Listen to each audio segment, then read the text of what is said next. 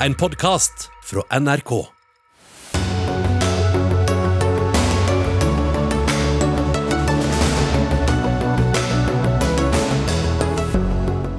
Russland jobber for å invadere Ukraina snart, skal vi tro USA. Tanken på en storkrig er brutal og grusom, sier Natos generalsekretær Jens Stoltenberg. Den avtroppende sentralbanksjefen hever en advarende pekefinger til partene i lønnsoppgjøret. Hvis de gjør det for dyrt, kommer renta til å gå opp. Bergen kommune sammenlignes med Nord-Korea og Russland av kunstner Morten Tråvik.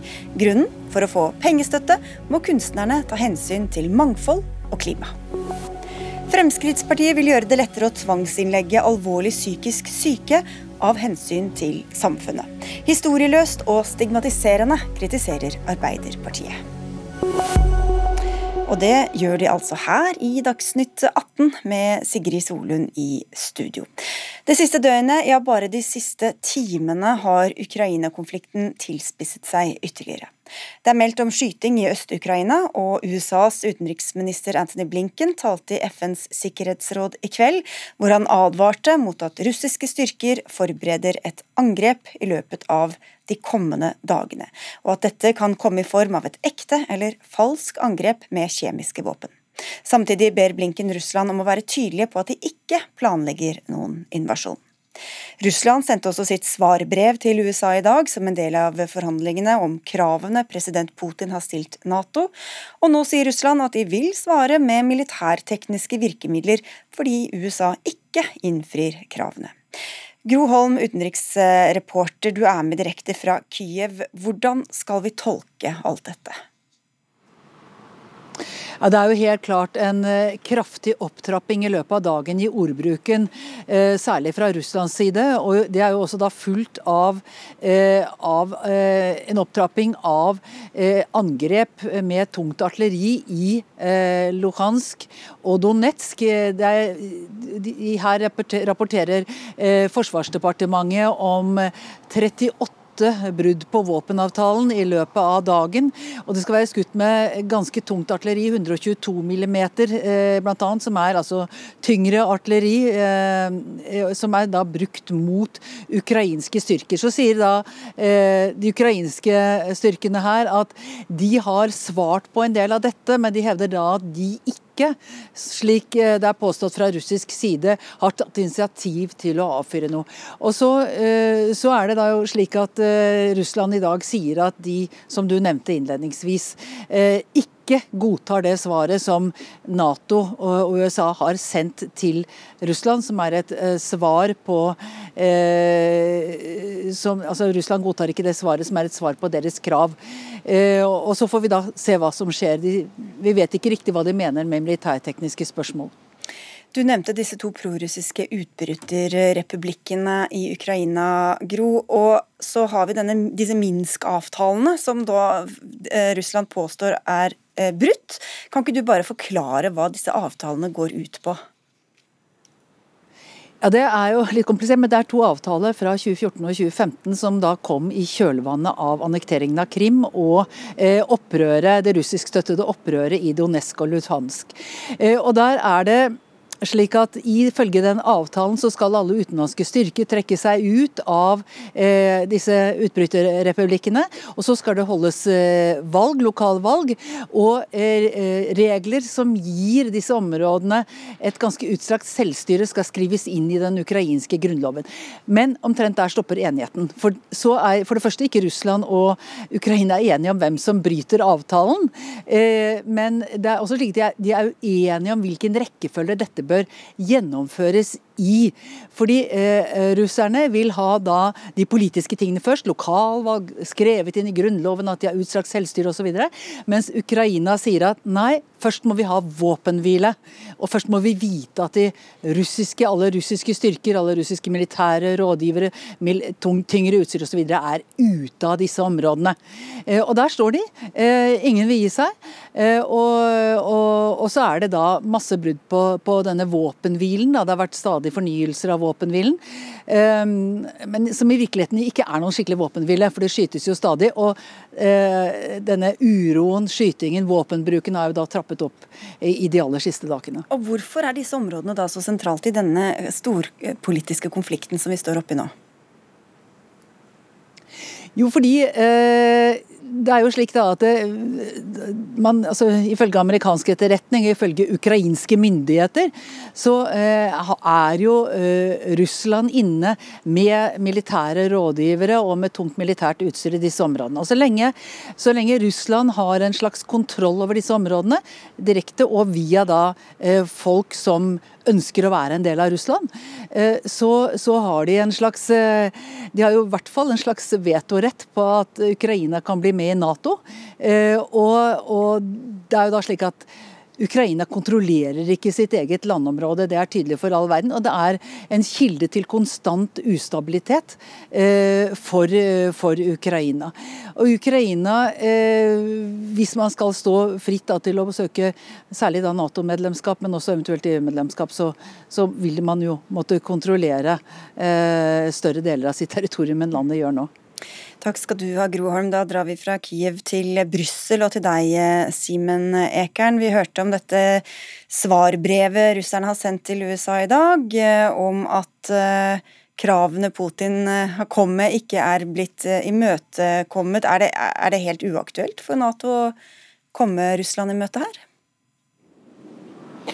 På noen av punktene, det som Nato oppfatter som kjerneverdier, bl.a. et lands rett til å bestemme selv hvilken militær allianse man skal tilhøre eller ikke tilhøre, så er det jo helt uaktuelt eh, å, å forhandle. Og man vil heller ikke gå med på, eh, har eh, Natos generalsekretær tidligere sagt, noen ensidige krav til vestlige nedrustning. Man er eh, absolutt interessert i å diskutere eh, forskjellige former for nedrustning, for åpenhet om militærøvelser, for inspeksjon av raketter osv. Men dette må da komme, mener man, som ledd i en avtale der dette er noe som foregår på begge sider av konflikten. Og Hvis kravene er så ensidige som Nato vel oppfatter at Russlands krav nå er, så Eh, så er det vanskelig å se for seg hvordan man kan uh, akseptere det. I tillegg så sier jo Nato, og det er gjentatt flere ganger i dag, så er man nødt til fra Natos side å se en tilbaketrekning av russiske styrker før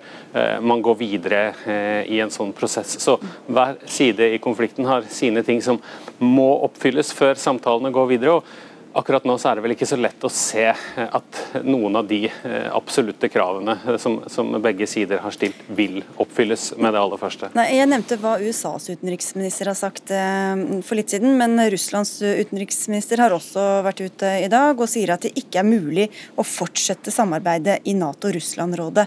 Hvor, hvor sterkt signal er det?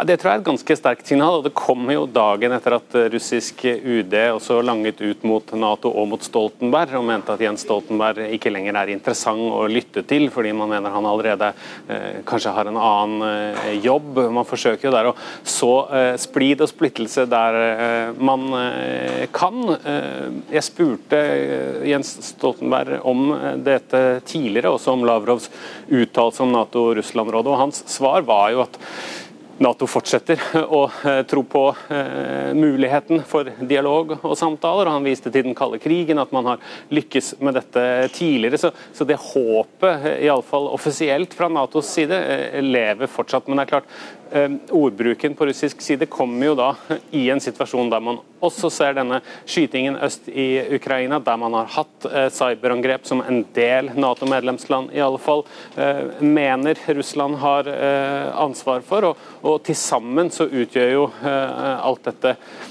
tegn som man tidligere har advart om og sagt at dette er ting som kommer til å skje i forkant eh, av eh, en invasjon. og Derfor så ser vi også de sterke signalene, særlig fra amerikanske myndigheter i dag, om at dette er noe som er nært forestående nå.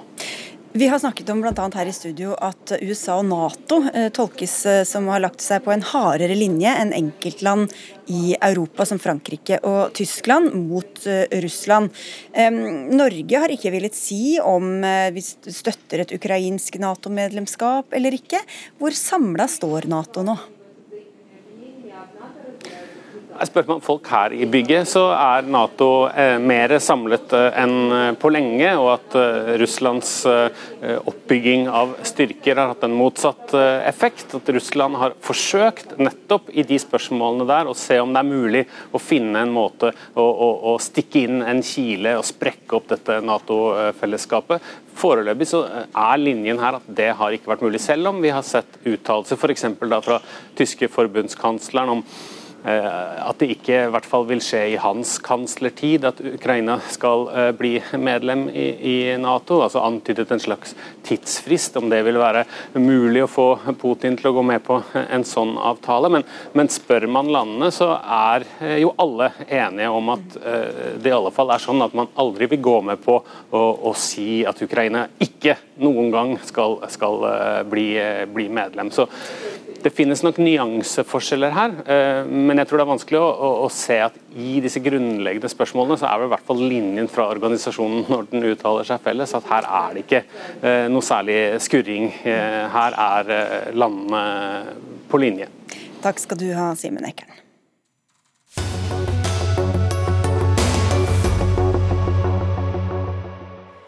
Akkurat nå holder sentralbanksjef Øystein Olsen sin siste årstale før jobben går videre til nettopp Jens Stoltenberg. Det er eh, også 100-årsjubileum for denne årstalen, noe det gjøres et behørig poeng av eh, på talerstolen akkurat nå. Det er mange som er opptatt av innholdet i denne talen, men det er kanskje enda flere som burde burde være opptatt av det, eller hva økonomikommentator her i NRK Cecilie Langen Becker? Ja, det er jo um, Det kommer mye signaler da, fra sentralbanksjefen. Uh, det er lite sånn, det kommer litt sånn stikk til politikerne hvert eneste år. og Det er den eneste gangen i året han faktisk sier noen ting utover akkurat det med pengepolitikken. Så dette er hans sjanse til å være litt mer fri. sånn at det er, Dette er liksom noe av det mest spennende sånn som jeg følger med på av, det, av de tingene han sier i løpet av et år.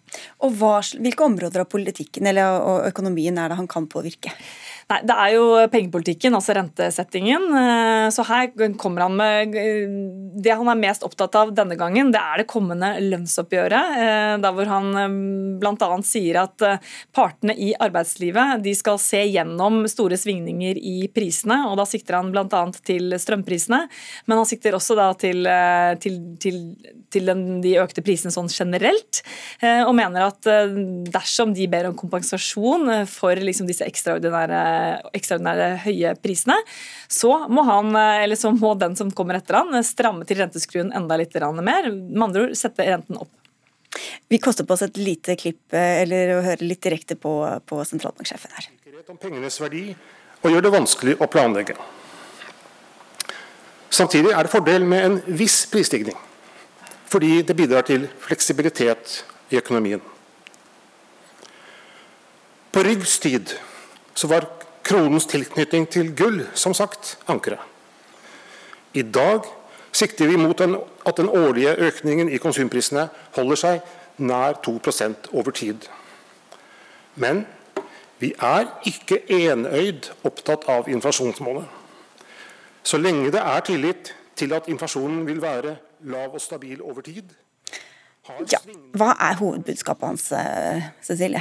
Nei, eh, Det som man eh, akkurat nå er inne på her, det er at, det at man ikke ser bare på inflasjonsmålet. Det får han faktisk ganske skryt for i den perioden vi har lagt bak oss. Vi har hatt en lang periode med, med ganske lav prisvekst. og at ikke det er det eneste han har vært opptatt av i sin periode. At han på en måte har vært litt pragmatisk og sett også på andre ting. sånn at Jeg snakket med ganske mange økonomer som hvis vi skal snakke om hans ettermæle, så, så, sier de at det er liksom en av de tingene de vil trekke frem ved han. da. Hilde Bjørnland, du er professor i økonomi ved Handelshøyskolen BI. Renta kan gå opp, og den bør vel også gå opp, eh, ifølge sentralbanksjefen, men hvor mye? Nei, Det er for tidlig å si, men at den kommer til å gå opp, det er han jo helt tydelig på. Eh, men så sier han jo også samtidig at, eh, vi, at det er ikke symmetrisk hvordan renten går opp og ned, avhengig av hvordan økonomien er. For så er det målsetning i seg selv å ha høy sysselsetting. Så han er jo tydelig på det. så han gir vel kanskje en liten indikasjon på at til tross for at renten går opp, så går den kanskje ikke like langt opp som, eh, som hvis vi hadde vært helt snevert sett på bare inflasjonen. Og så kommer han med en veldig klar melding om hvor mye oljepenger eh, politikerne kan bruke. Hva er det han sier her? Altså, han er jo veldig tydelig på det, selv om eh, det er jo pakket inn i eh, gode formuleringer om at eh, handlingsregelen har tjent oss vel, og at vi har brukt den bra i konjunkturene sånn som det har vært. Men, men, det som han er tydelig på, er at fondet er stort. Vi vil bli veldig sårbare for svingninger. Sånn at vi i den fasen vi har foran oss nå, så må vi være mindre regelstyrt og mer bruke liksom, Se vekk fra fondets størrelse når vi, eh, når vi bestemmer oljepengebruken, og mer se hen til konjunkturene. Så Sånn sett så ønsker han at vi går ordentlig inn i og ser på en revidering av handlingsregelen, og ikke binder den så kraftig opp mot oljefondet. Og Det er et tydelig signal. Hva kan erstatte den regelen vi opererer etter i dag, da? Nei, Det er jo ikke la fondets størrelse bestemme hvor mye du skal bruke, men se mer til økonomien. At du bruker mer i, dårlige tider og mindre i gode tider. At du sparer mer da, i oppgangskonjunkturen. Så er det forskjellige varianter rundt det som man ikke går inn på. Eh, men du kan se på kontantuttak, du kan tenke mer i forhold til at du skal ha at eh, det du bruker over fondet, skal ikke, veksten i det skal ikke være større enn den veksten du har i resten av økonomien, og, og varianter rundt det. Cecilie Langenbekke, hvor mye hører politikerne på sentralbanksjefen? Ja, det, det, er et godt spørsmål. Det, det, jeg tror de hører på ham, og vi har jo sett tidligere når han har kommet med eh, når, Spesielt når han snakket om handlingsregelen, så har man jo eh, redusert handlingsregelen fra eh, 4 til 3 eh, etter, altså en, en, god stund etter en av disse tidligere talene hans. Så det er klart at eh, det skaper de tingene han sier, det, skal, det, er, det starter ofte en eller annen form for debatt og noen utredninger, og så ender man et eller annet sted. og Det er jo veldig mye diskusjon akkurat rundt handlingsregelen nå, at man, da, eh, at man nå kanskje bruker mer enn man burde. Og denne handlingsregelen den har vi jo diskutert i mange år, eh, Bjørnland. Den neste årstalen som skal holdes, den blir jo da holdt av Jens Stoltenberg. Da han var politiker, var han veldig negativ til å kutte eh, inn på handlingsregelen. Er, han nå nødt til å følge opp det Øystein Olsen sier i dag, eller hvordan er det? Altså, dette er jo argumenter som eh, Norges Bank bygger opp, og som kommer til uttrykk da, gjennom denne årstalen. Sånn at eh, Det som skjedde for ti år siden, var jo at når de foreslått å redusere handlingsregelen, så slo jo han ned den umiddelbart. Den type argumentasjon eh, som han hadde som politiker, er vi jo nødt til å prøve å glemme når vi ser for oss han som sentralbanksjef. Så Vi vil jo, liksom på, vi vil jo se etter tekst, det han uttrykker. Vi vil jo vi vil jo ha det bakteppet med oss i større grad, men det er jo Norges Bank som taler gjennom denne årstallen. Så sånn sett så er det det kommer til uttrykk da gjennom det han vil si, og det tenker jeg at Eh, vi vil se med lupe med at, må, at, formuleringene må være tydelige på hva det er eh, han kan si det i hele tatt. Det kommer jo da politiske debatter som eh, følge av dette, Cecilie. Men det, som du nevnte tidlig også, den beskjeden til partene i arbeidslivet, der mange har tatt til orde for at i år bør vi få ekstra mye i lønnspålegg. Hvordan tror du det blir mottatt der? Nei, altså jeg, jeg, må si at Da jeg leste gjennom talen, så var jeg litt sånn oi, da jeg kom akkurat til det, til det punktet. for det er en veldig sånn klar advarsel eh, som Og jeg har også snakket med han tidligere i dag, der hvor, der hvor der, han mener virkelig å si dette her ganske sterkt. Fordi det han jo selvfølgelig er redd for, det er jo at man får en sånn lønnsprisspiral som bare går oppover og oppover. Og at det er viktig å moderere seg. Eh, det er jo virkelig noe av det han frykter mest. Det er eh, høy inflasjon, altså høy prisvekst. Så, så masse penger i lønnsoppgjøret, det er en kortsiktig gevinst, sier han da? Ja, og så jeg tipper at partene, altså arbeidstagersiden, de liker selvfølgelig ikke det de, de hører i dag. Ok, Bjørnland, det er den siste talen til Øystein Olsen. Går den inn i historien som noe spesiell? Nei, eh, Han har hatt mer tydeligere taler før, som har satt mer preg på eh, debatten i etterkant. Men det er en god tale. Rammer den inn med en god del historie. Og så er han veldig tydelig på at tiden for regelstyrt økonomisk politikk, den mener han er over. Mer pragmatisme og fleksibilitet. Og det er jo egentlig en god ting. Takk skal dere ha begge to. Hilde Bjørnland, professor i økonomi ved Handelshøyskolen BI, og vår egen Cecilie Langenbekker.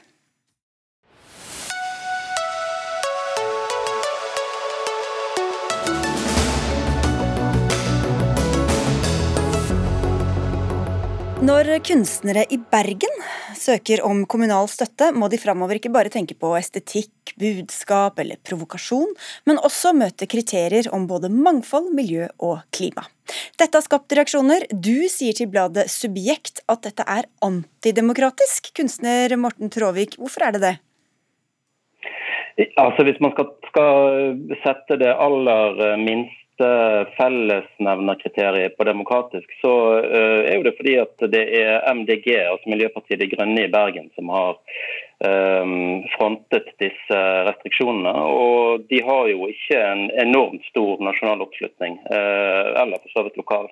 Sånn at det er, Vi snakker om et lite mindretall her, som, fordi de har kulturbyrådsposisjon i Bergen, Eh, nå eh, tydeligvis da eh, synes at det er en bra posisjon å fronte sin egen politikk ifra. Men Hva er du redd det skal føre til, da? Jeg er ikke redd for at det skal føre til så veldig mye. Altså, jeg mener, jeg er jo en statsstøttet kunstner sjøl. Men uh, jeg mener at det er en snarvei til eh, noe vi eh, alle sammen egentlig er enig i. Altså, alle er jo for mangfold av ideer og kreative uttrykk og osv. Det, det er jo ikke det det handler om. Det handler egentlig mer om en prinsipiell diskusjon om eh, politikerne våger å stole på at kunstnere sjøl klarer å finne fram til eh, et mangfoldig uttrykk uten den typen eh, ja, eh, direktiver ovenifra. Ja, Våger dere ikke det, Katrine Nødtvedt? Du er byråd for kultur, mangfold og likestilling i Bergen for eh, Miljøpartiet De Grønne. Vi har veldig stor tillit og god dialog med kunstfeltet i Bergen. og jeg synes Dette er en utrolig viktig debatt som jeg er glad eh, blir løftet. Eh, men jeg har lyst til å korrigere noen ting i, fremstillingen til Tråvik. Fordi at de retningslinjene som vi snakker om nå, eh, de er jo et resultat av en veldig åpen prosess. Eh, der vi skrev en plan for mangfold og deltakelse i kunst- og kulturlivet. Vi hadde åpne innspillsmøter, inviterte til dialog med sektoren. Det var mulig å gi skriftlige innspill både før vi skrev planen og en åpen høringsrunde etter. Og Så ble jo planen lagt fram for de lokale demokratiske organene, byrådet og bystyret. Så dette er på ingen måte noe som jeg eller mitt parti har sittet i et lukket rom og vedtatt alene og instruert eh, overfor kommunen. Dette er noe som lokalpolitikerne i Bergen har vedtatt sammen. Og Denne planen, der retningslinjene er forankret, den ble vedtatt med et veldig bredt flertall eh, blant partiene i bystyret. Ikke bare byrådspartiene heller. Så eh, det jeg tenker jeg er enig med Tråvik i, er jo at det er utrolig viktig at kunsten er fri og uavhengig. og At det er en arena for meningsbryting og for debatt, eh, og der mange ulike stemmer får brynt seg mot hverandre. Og jeg tenker at um, vi ser at det er en underrepresentasjon av noen stemmer, og det er det vi har lyst til å adressere med disse tiltakene. Tråvik? Ja, men Hvilke stemmer er det du føler er underrepresentert? da, Nødtvedt? Eh, vi gjør rede for i planen hvilke uh, dimensjoner vi uh, tenker på når vi sier jo, men mangfold. Du vet, men du, du, må jo vite hvilke stemmer helt konkret du mener er underrepresentert?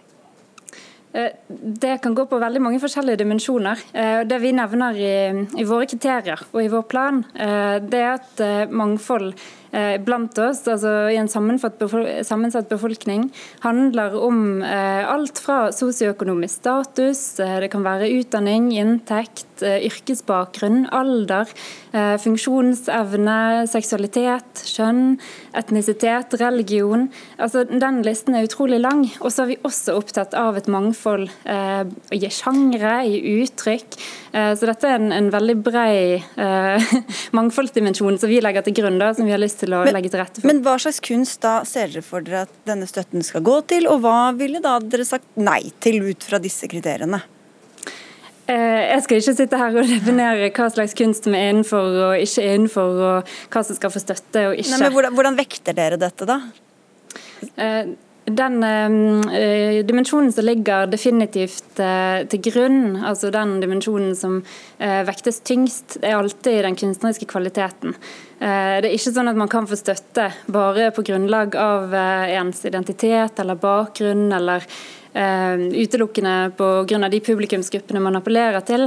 Uh, det er kunstnerisk kvalitet som, som vektes tyngst. Uh, og så ser vi også hen til innad i ordningene. Klarer vi å treffe et bredt spekter av ulike stemmer og, og legge til rette for at, at, de ordningene også støtter kunst som speiler et større mangfold?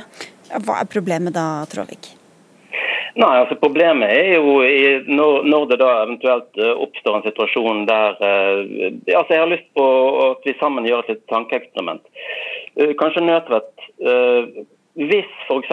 vi ser for oss en teaterforestilling som skal feire det norske, spesifikt norske, det er jo en annen debatt som, som ruller og går for tiden, eh, der eh, det eksklusivt norske skal eh, feires, helt uironisk, og man skal brenne la oss si man skal brenne sankthansbål av møbler med en overflatebehandling som er miljøfiendtlig, som del av det kunstneriske uttrykket. Er det noe som ville kommet innenfor retningslinjene i eh, Bergen kommunes eh, tildelingspolitikk som den ser ut nå.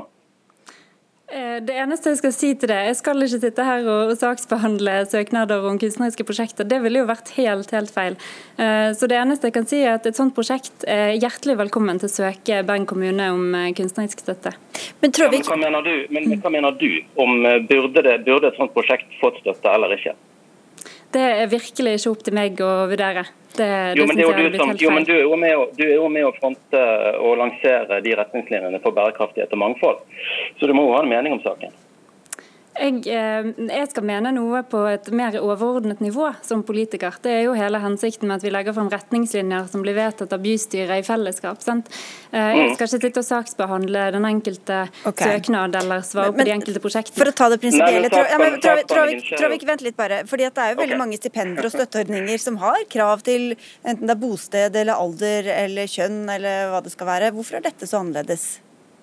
Dette er som sagt mer en mer prinsipiell diskusjon. Bosted, alder og kjønn det er endelige størrelser. Eh, eller eh, kanskje ikke kjønn, da, eh, i sånn som det debattklimaet har blitt nå. Men bosted og alder og en del andre ting, to pluss to er lik fire, det er endelige størrelser. Men hva mangfold er, det, hvis du spør meg om hva som jeg er redd for, så er det vel fordi at de gode hensiktene her blir en snarvei til noe som egentlig blir ikke mangfold, men maktfold. Der uh, um, en slags relativt ullen definisjon av etnisk mangfold, la oss være ærlige, det, er det dette handler om. Det handler om etnisk og kulturelt mangfold, og det er ingen som er imot det på denne siden av Adolf Hitler.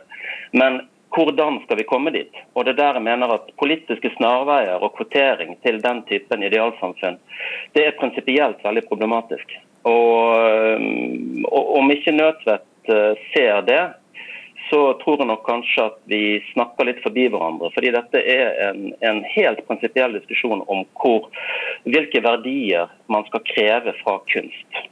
Nødtvedt. Eh, jeg tror igjen at eh, vi er helt enige i at kunsten har en unik rolle for demokratiet i eh, å være en, en fri arena for meningsbryting, og der forskjellige perspektiver er nødt til å komme til orde. Og Det er der jeg har lyst til å hive litt utfordringen tilbake igjen. fordi jeg tenker jo at det er vel så stor demokratisk utfordring hvis vi ser at en viktig arena for meningsbryting ikke lar alle stemmer slippe til. det. Og så tror jeg fikk frem i sted når jeg eh, gikk gjennom hvilke eh, mangfoldsdimensjoner vi ser til at dette ikke utelukkende handler om etnisitet eller hudfarge. På okay. ingen måte. Men på hvilke, på hvilke, områder tenker du Nødtvedt at, at uh, den dimensjonen ikke er ivaretatt? Ja, vi, vi, rekker ikke å enda flere spørsmål dessverre, for vi skal uh, videre. Men vi lar den henge litt i lufta, så kan dere svare privat. Takk skal dere ha, kunstner Morten Tråvik og byråd Katrine Nødtvedt.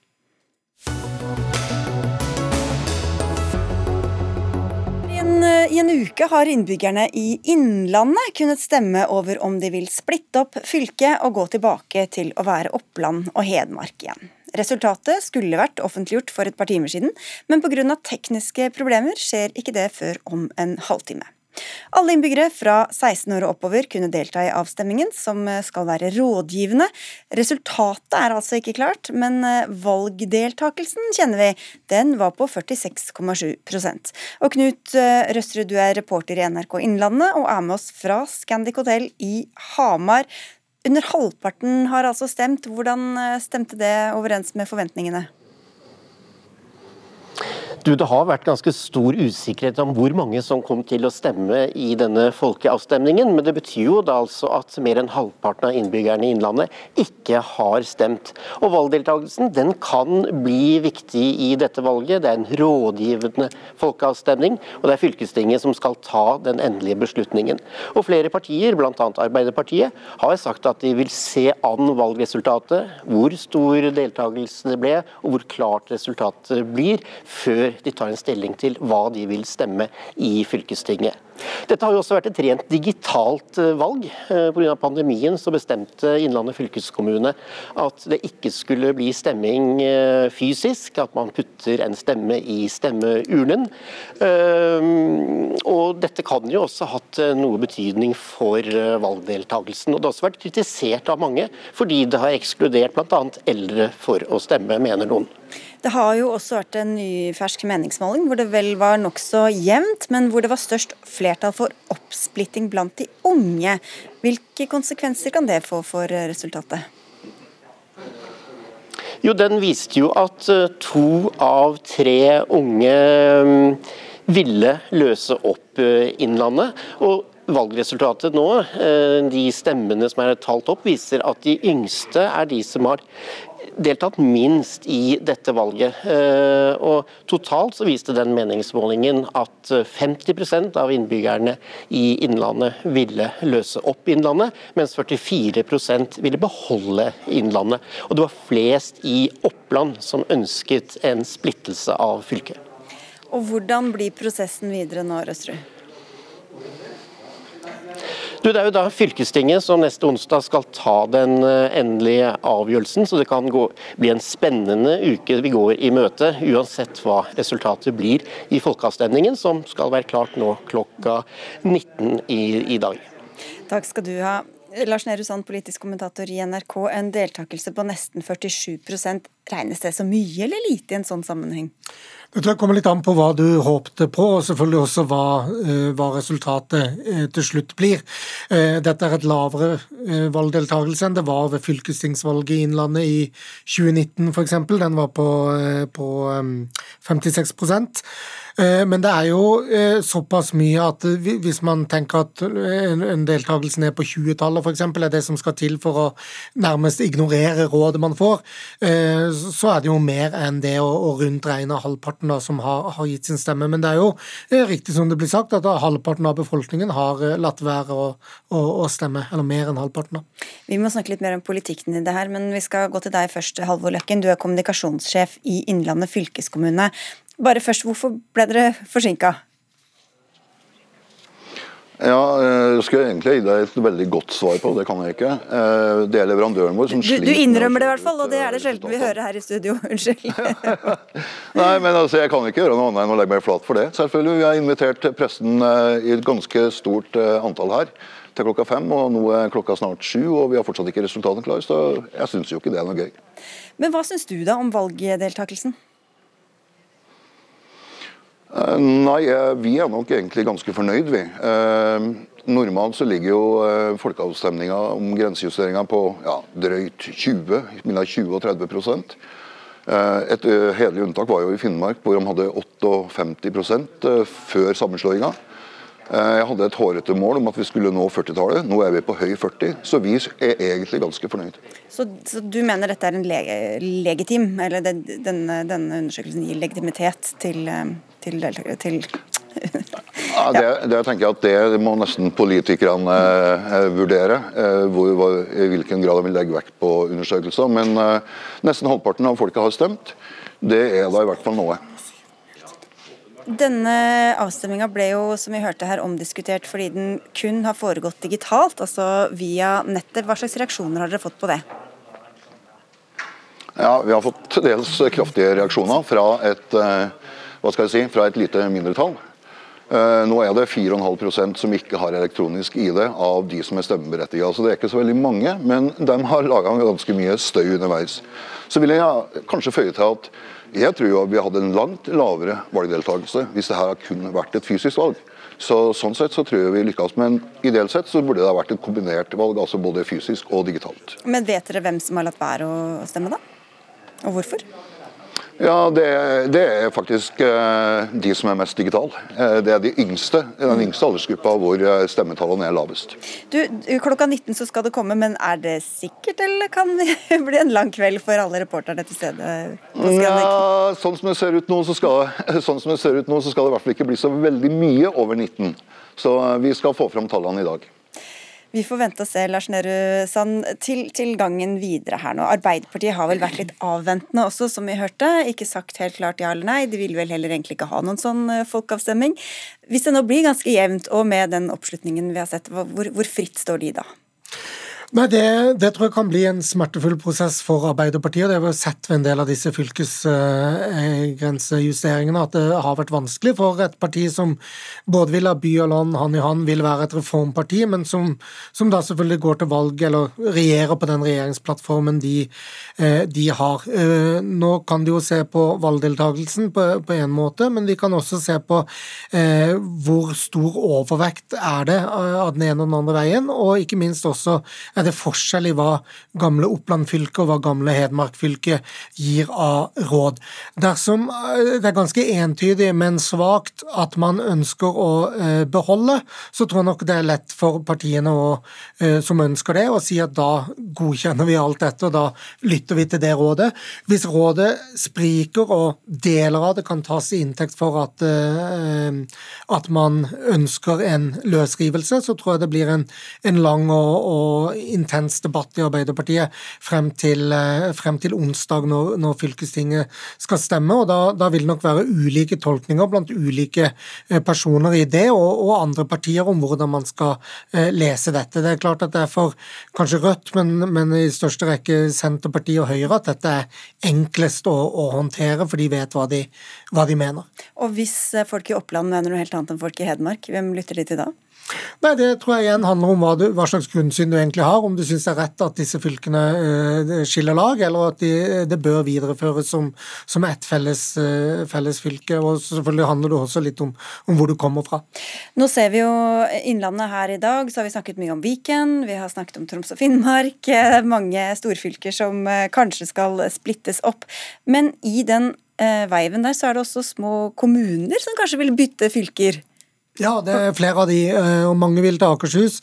Eh, nå har Det siste, siste forslaget er fra Hamars eh, ordfører, som ønsker å ikke være en del av Hedmark, men, men at også han, eller Hamar da, skal til, til Akershus, som jo vil være av betydning for resten av Hedmark, for å si det forsiktig, og som, som også er et, eh, et, forslag jeg tror det er veldig vanskelig for nasjonale politikere å, å gå med på. Det gjelder eh, for så vidt flere av de grensejusteringene som, som foreslås, men jeg tror vi skal eh, ha på det rene at denne dominoeffekten av det som egentlig skulle handle om å løse opp Viken og, og Troms og Finnmark, eh, har blitt noe ganske annet. Det er mange flere fylker som nå eh, potensielt blir eh, reversert, og det er mange kommuner som nå eh, lurer på hva de skal gjøre. Det blir en, en eh, organisatorisk eh, debatt som påvirker velgere, ansatte og politikere i ganske store deler av Norge, som følge av det regjeringen har satt i gang. Dere får følge med på NRK utover kvelden. Det skal altså komme resultatene om en halvtimes tid. Vi får se om de har eh, lykken med seg denne gang. Takk skal du ha, Lars Nehru Sand. Ikke lykken, men hellet.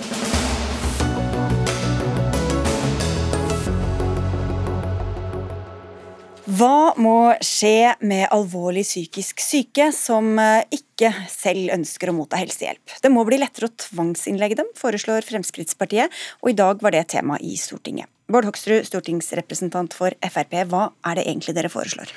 Nei, det vi foreslår er at vi mener at den eh, endringen som ble gjort i 2017, hvor man altså har blitt vanskeligere å tvangsinnlegge personer med syke, store psykiske utfordringer, fordi vi ser nå altså at miljøer, nabolag, nab nab naboer opplever et voldsomt press, alvorlige hendelser og vold og trusler eh, uten at det skjer noe. Personen blir bare kjørt på akuttmottak, blir, eh, kommer inn på akuttmottak og blir sendt hjem igjen og lager masse utfordringer og frykt eh, osv. Og, og da mener vi at det må bli lettere at man faktisk kan gjøre noe med det. Og Hvor skal den terskelen legges, da?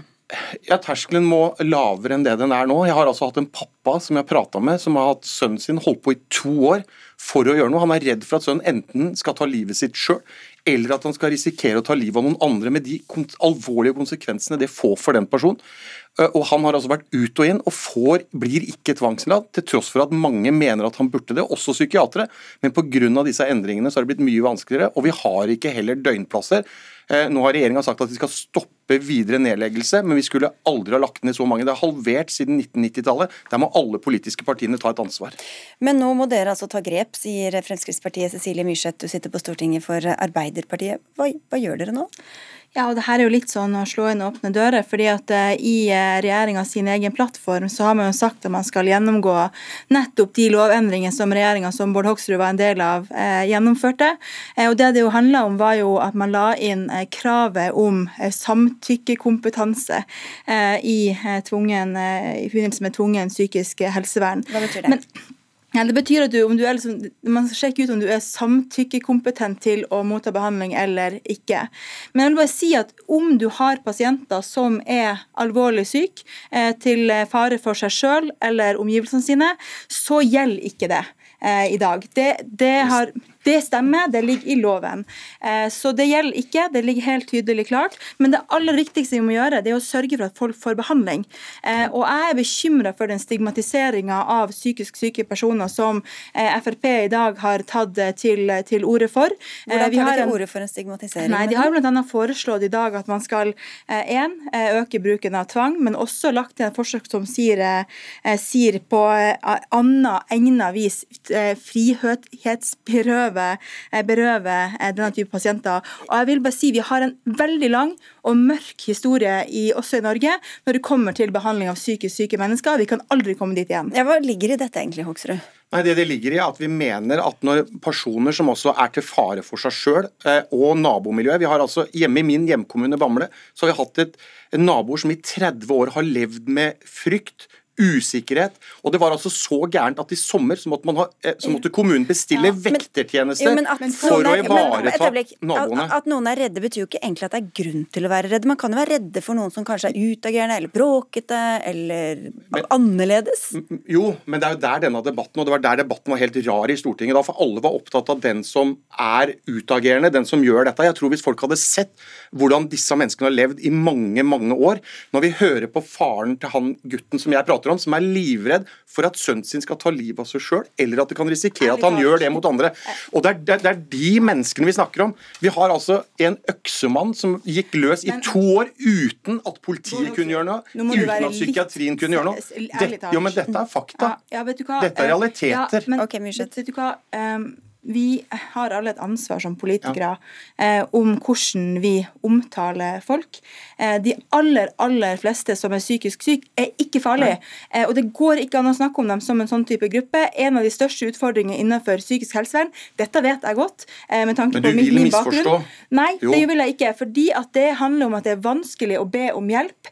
Eh, og det å ha en psykisk lidelse i seg sjøl er ganske stigmatiserende men, eh, for men, mange. Jeg må bare høre, fordi at Denne debatten har jo pågått i noen måneder eh, nå, mm. særlig blant fagfolk, etter flere drap og voldshandlinger mm. de siste månedene. Og Der er det jo mange som også har tatt til orde for at her er det for vanskelig å behandle folk som burde fått behandling. Ja. Og jeg er jo ikke, jeg er ikke imot bruk av tvang. Tvang kan faktisk redde liv. Eh, og tvang er mange ting. Det Tvang kan være innleggelse, tvang kan være tvang Så hvor er uenigheten mellom dere da, egentlig?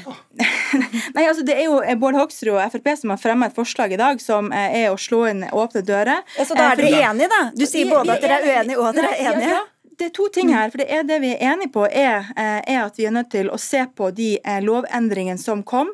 Eh, sørge for at man, har, man bruker riktig bruk av tvang i psykisk helsevern. Men der vi skiller lag, det er om hvordan vi snakker om dette. Og retorikk og ordbruk, det er viktig. Og når Bård Hoksrud fremmer forslag, du har ikke svart på det én gang i dag. Hva betyr det når man sier at man skal enten underlegges mer bruk av tvang i psykisk helsevern, eller på annet egnet vis frihetsberøves? Hva betyr betyr det med annet egnet vis skal man frihetsberøve berøve disse menneskene? Men, men, jeg ble ganske provosert, Cecilie Myrseth, når du påstår at vi, fordi vi altså med, fordi, fordi jeg mener ja, men kan, Det kan du svare på. Hva betyr det? Skal de i fengsel, eller hva er det det ligger i det? Det betyr at man trenger behandling, og vi skal ta og sørge for å behandle de som trenger det. Og da må vi sørge for at, da må vi sørge for at de får en plass. Frihetsberøvelse, det, ja, frihetsberøvelse, det betyr jo uh, ordstyr, eller, uh, programleder, det betyr jo at det er altså sånn at når man opplever personer som er svært utagerende, som er til fare for seg sjøl og og, om, og, og, nærmiljøene sine, så må man gjøre noe. I, i men kan dere ikke bare skrive behandling, da? Hvorfor kan, dere ikke bare si behandling? Jo, men poenget, poenget er at I dag er det sånn at verken politi eller helsevesenet mange faller mellom to stoler. Og jeg tror det at, og jeg blir litt sånn fordi det, Men skal det, liksom, det frihetsberøving, betyr det rett og slett tvangsinnleggelse på psykiatrisk sykehus? Det betyr tvangsinnleggelse, ja. Og det, det har vi. Men også noe annet, eller? Nei, det betyr i utgangspunktet tvangsinnleggelse fordi man trenger hjelp for å hindre at man begår uh, alvorlige ting mot seg sjøl eller andre. Og så er det det som provoserer, er at liksom eh, dere er ikke opptatt av disse, dere snakker stigmatiserer. Dette handler ikke om å stigmatisere. De aller fleste psykisk syke de trenger, eh, eh, og, og, som ønsker og skal ha behandling. Men så handler det altså om de som ikke vil, og som bruker samtykkekompetansen til å nekte å få hjelp, eh, programleder. Fordi de regnes som så adekvate at de klarer å bestemme selv? Ja, ja, og de klarer, det stemmer ikke. Altså, jo, det stemmer. Nei, og man kan bare, det som er eh, fakta her, er at om du er eh, til fare eh, for eh, deg sjøl eller andre, om det er nærliggende, så faller kravet til samtykkekompetanse bort. Det er loven. Men da skjønner ikke jeg hva det, Når du sier at det er slå, slå inn åpne dører, og at dere vil se på det, hva er det dere skal se på da, hvis loven allerede er god nok? Nei, men poenget det er jo, En ting, er, en ting er, jo, er, jo, er, jo, loven, men det handler jo også om anvendelse. Er man sikker på at man har riktig kompetanse? Hvordan bruker man tvang i dag? Det er jo et verktøy i verktøykista. Det andre er jo eh, kompetanse om hva betyr det å være samtykkekompetent. Det er jo noe som eh, man også må ha eh, fokus for. Hvis, det er jo fagfeltet også veldig opptatt av. Men hvis det er sånn som du sier, hvorfor har, hvorfor har et, et nærmiljø i to år vært livredde? Politiet sier vi kan ikke gjøre noe. Psykiatrien sier at vi kan ikke gjøre noe. Dette er en person som har begått 54 lovbrudd, dømt for 53 av dem, uten at man kan gjøre noe. Han har store problemer. Han har trua med drap, han har slått seg inn i leiligheter og alt mulig. Og så sier du ja, sånne kan vi sørge for og tvangsinnlegge. Nei, vi kunne ikke tvangsinnlegge han. Man klarte ikke å gjøre det, Cecilie. Ja, men, det, men det er det dette handler om. Men, men, tror, er du, nei, men tror, mener du at noen faller mellom to stoler, som, som Bård Hoksrud? Mener du at det er noen som faller mellom to stoler? Jeg har nok også et ganske sånn pragmatisk eh, forhold til eh, bruk av tvang, så lenge det er riktig bruk eh, av tvang. Og så mener jeg det aller, aller viktigste vi gjør, det er å sørge for å få på plass mer penger til psykisk helsevern generelt. Det å bunne tidlig tidligere i eh, forløpet. Lavterskeltilbud som gjør at man ikke kommer dit at man blir alvorlig psykisk syk. Og Derfor har Fremskrittspartiet foreslått 900 millioner kroner mer til ja, døgnplasser, fordi det er viktig å gjøre noe med det. Ja, men dette er noe viktig å gjøre noe med. Og som sagt, det handler om de menneskene som lever med dette, både de som er syke og de som opplever vold. Okay, da har vi fem ganger åtte år. Da gir vi oss. Takk skal dere ha begge to, Bård Hoksrud og Cecilie Myrseth.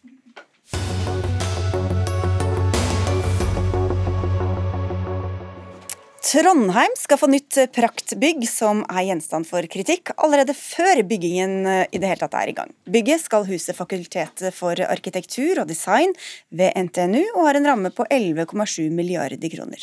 Men Statsbygg, som leder prosjektet, får kritikk både fra politiker-, universitets- og arkitekthold. Grunnen er at de ikke lyser ut en arkitektkonkurranse.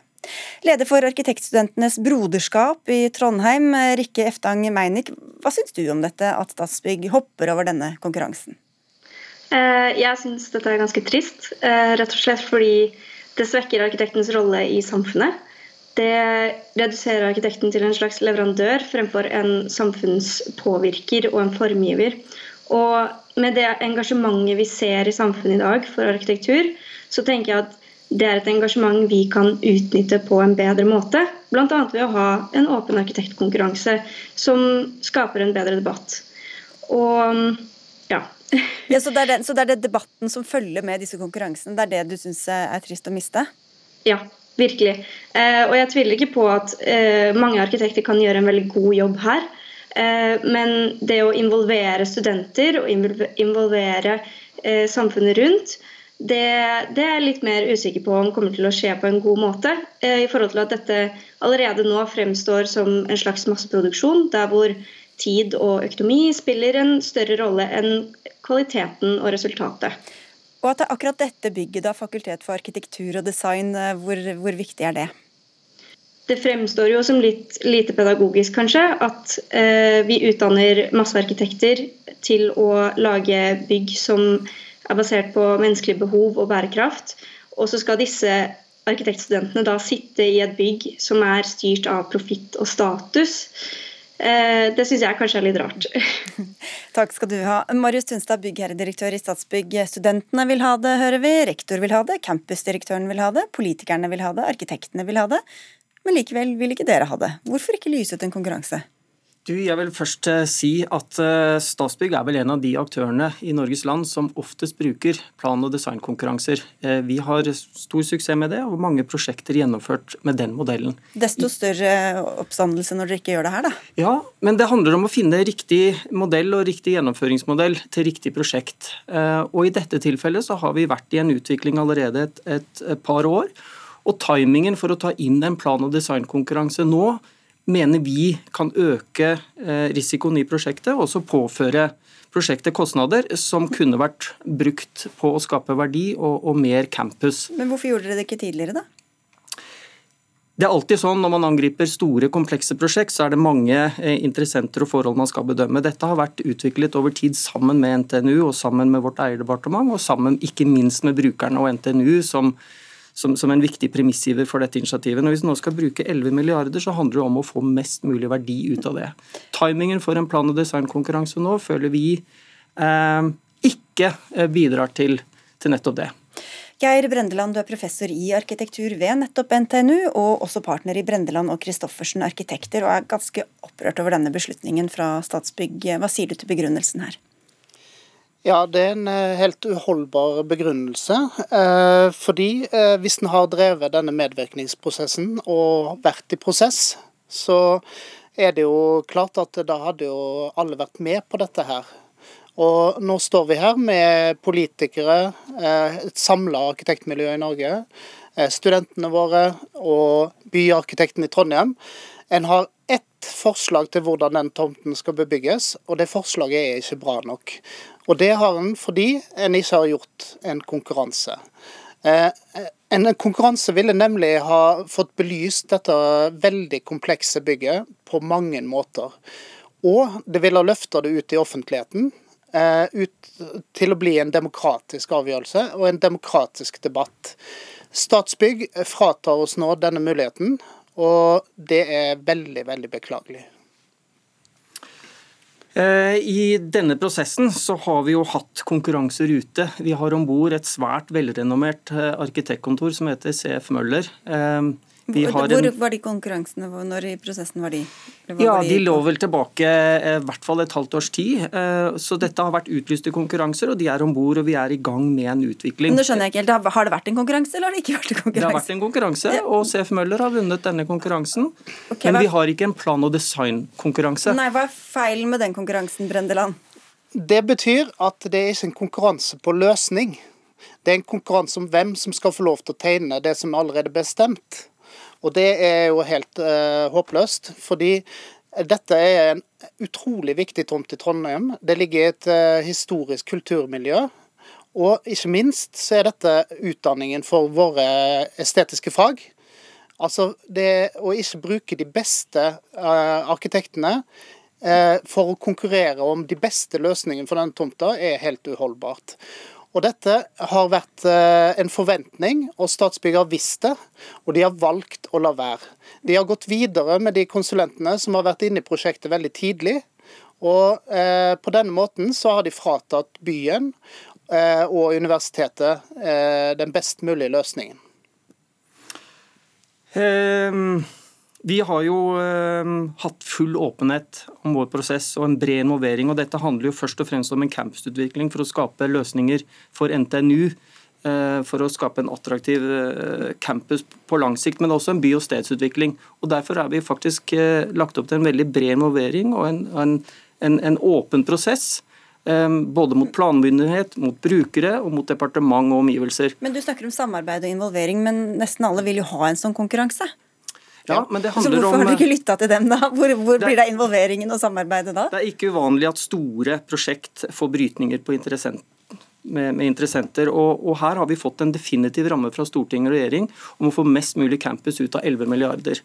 Hva ville det kosta ekstra å ha en sånn konkurranse? Da? Ja, Vi mener at det ville kunne sette prosjektet nå tilbake i tid, eh, påføre prosjektet risiko, og også kunne koste eh, noen hundre millioner ekstra. Så er det jo spørsmål om Plan- og designkonkurranse, ja det kan være riktig, det kan skape verdi, og jeg er helt enig med min meddebattant at det kan være riktig. Men i dette tilfellet så føler vi at eh, vi har veldig gode forutsetninger for å adressere de spørsmålene med de interessentene og de partene vi har om bord. Ikke minst fagmiljøet på, på NTNU. Ok, Hvorfor er det verdt det, Brendeland?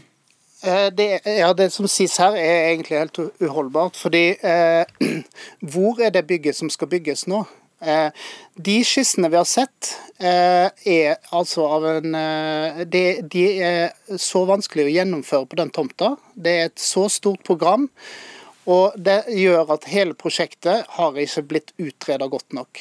Og er dermed ikke forankra godt nok. Så, så, hvis det var en så god medvirkningsprosess, hvorfor er vi da så sinte? ja, Men du sier også at dette er en prinsipiell sak? Ja, det er en prinsipiell sak. For det handler egentlig om eh, de Altså om arkitektenes rolle i arkitektkonkurranser.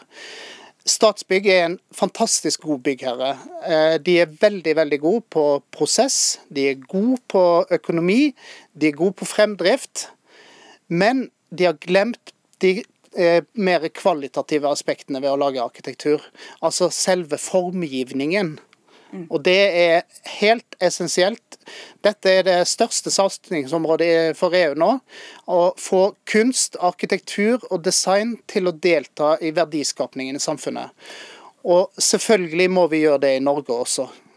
Og det sitter vel sikkert ganske langt inne for mange arkitekter å kritisere Statsbygg, som de ofte vil, vil være gode venner med. Så hva sier det deg at dere har fått så mye motstand akkurat på dette her, da? Um jeg tror vi er helt enige alle sammen om at vi ønsker å få mest mulig ut av det og, og finne løsninger som, som, skaper de beste resultatene. Når det gjelder kritikken, så vil jeg også kanskje utfordre litt tilbake. fordi at Dette handler jo også om å styre innenfor rammer og få til kostnader og gode løsninger. Og, og Vi vil gjerne se um, en plan- og designkonkurranse i den fasongen her i dag. Uh, har kanskje ikke de rette premissene. og Vi vil gjerne ønske arkitektene om bord på å også ta et større ansvar for kostnader og tid og, og resultatmålene i utviklingen av store okay, Bren prosjekt. Brendan. Ja, det, det, er jo også helt feil. For det, det, er selvfølgelig alle i byggenæringen vet jo at det her er en samspillsprosess. Vi er kjempegode på kostnad, og, og vi har jo et samfunnsansvar også. Så det er å få alle disse til å, eh, faktorene til å fungere bedre sammen, som er målet. Eh, det skal bli vakkert for byen, for Trondheim, for våre barn i flere hundre år. Og det er helt fundamentalt i et bærekraftperspektiv. Og så skal det bygges til rett pris, med gode materialer og så miljøvennlig som overhodet mulig. Og kanskje er det lov til å håpe på er veldig innovativt, siden vi også er Norges tekniske universitet. Da. Men, men Tunstad, du sier at det er for seint og det blir for dyrt. Hvem sin skyld er det at dette ikke er blitt gjort tidligere og innenfor den rammen som, som jo tross alt er ganske stor? da? Jeg har ikke lyst til å peke på den ene eller andre. Vi har sammen med eh, universitetet og sammen med markedet og sammen med våre eiere lagt opp til en prosess som nå er i gang. Det er et stort tog som går. Og det å justere og endre mye på det vil medføre eh, problemer. Så dette kommer for seint inn i prosessen. Men, jo, men hvorfor tenkte ikke dere på dette for flere år siden? Nei, Vi mener at, eh, at plan- og designkonkurransen ikke gir den styringen og den kontrollen som vi trenger eh, i et, et design to cost-prosjekt som dette er. Og, og føler at vi har en medvirkning som gjør at vi kan ende opp med alle de gode løsningene som min meddebattant ønsker seg. Jeg tror vi er i felles hensikt på det. Jeg syns dette er helt utrolig. For det, altså, det, er en arkitekthøyskole, eller en kunst-, arkitektur-, design- og musikkhøyskole. Det er utøvende fag. Og hadde dette vært i Oslo, så hadde det aldri skjedd. Andre europeiske byer, det er utallige eksempler. Selvfølgelig er det arkitektkonkurranser for så viktige offentlige bygg. Jeg skjønner ikke hva Statsbygg har eh, tenkt på her. Og nå er det opp til politikerne å rydde opp, tenker jeg. Og Formannskapet i Trondheim var enstemmig i at dere burde vurdert arkitektkonkurranse, som dere da avviste gjennom Adresseavisa. Takk skal dere ha, begge to. Marius Tunstad, byggherredirektør i Statsbygg, og Geir Brendeland, professor i arkitektur ved NTNU, og leder for Arkitekturstudentenes broderskap, Rikke Eftang Meinik. Dagsnytt 18 er ved veis ende. Vi er tilbake i morgen samme tid. Anne Katrine Førli, Lisbeth Sellereite og Sigrid Solund takker for følget.